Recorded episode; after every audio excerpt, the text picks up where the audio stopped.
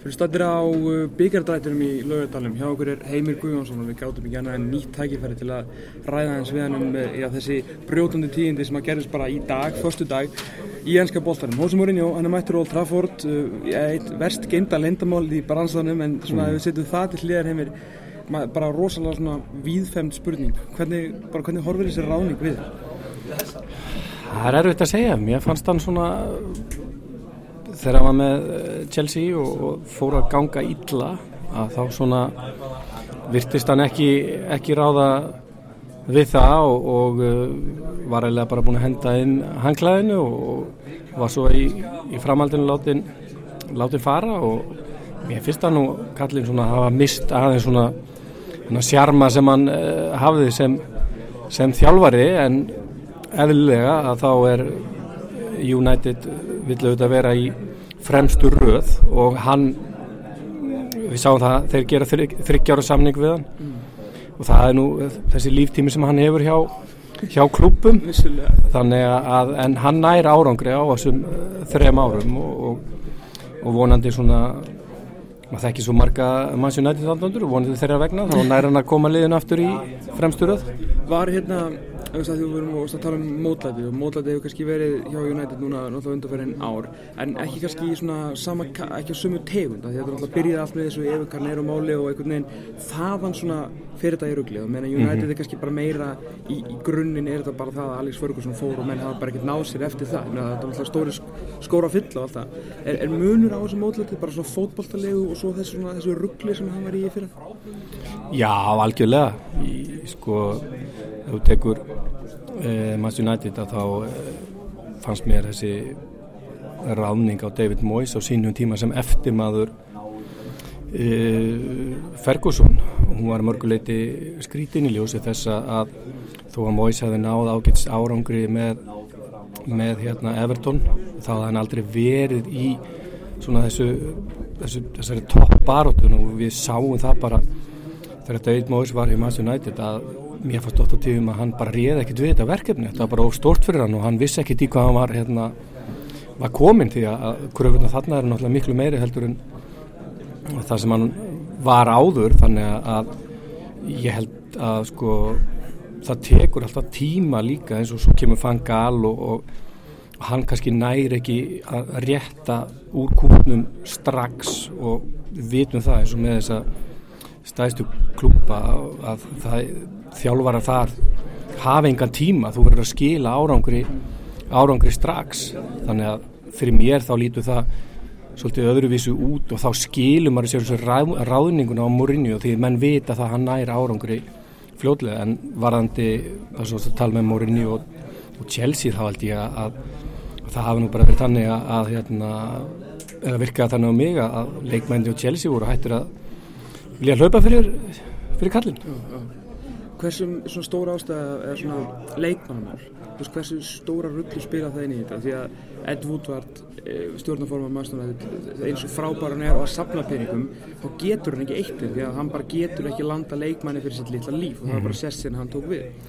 Nú er náttúrulega er hann náttúrulega með Jorge Mendes bara inn á,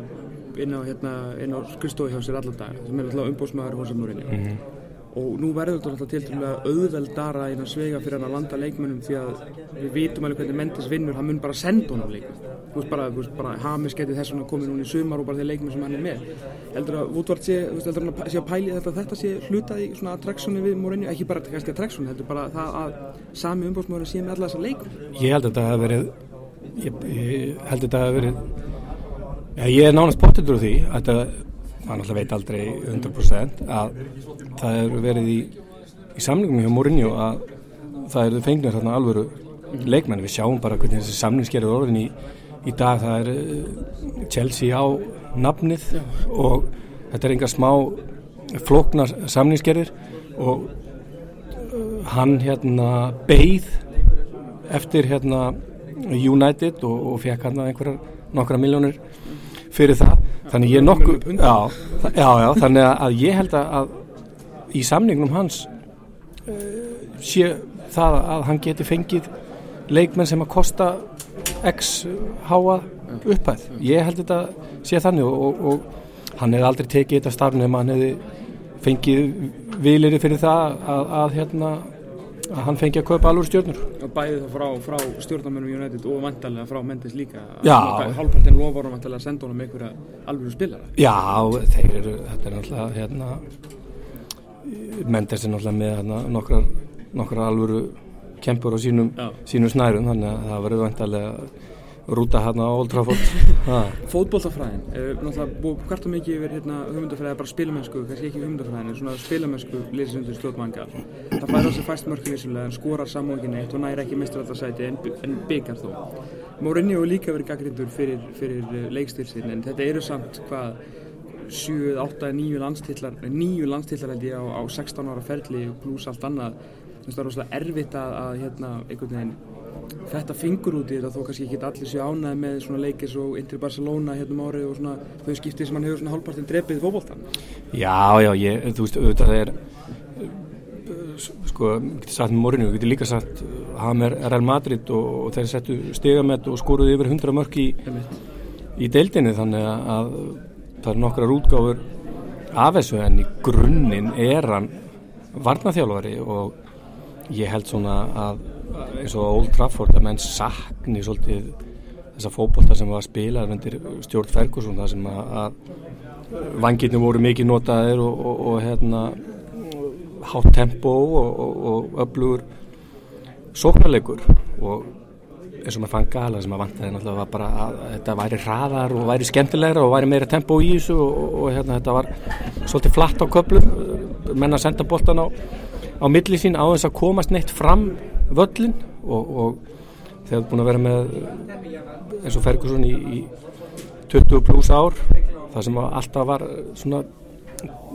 direkt fókbólti þá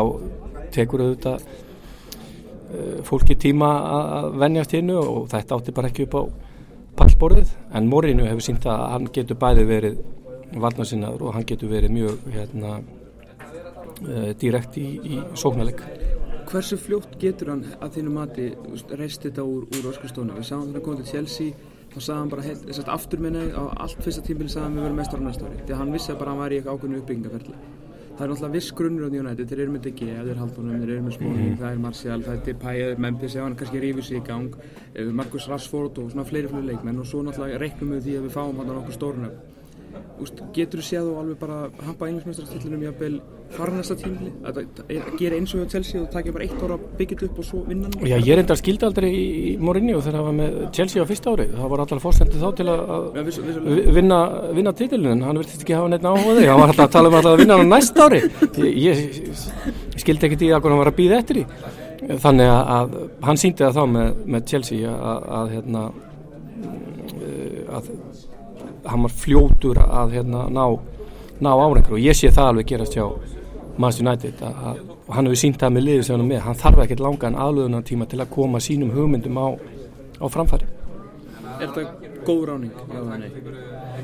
Það á eftir að koma í ljós en ég vil segja já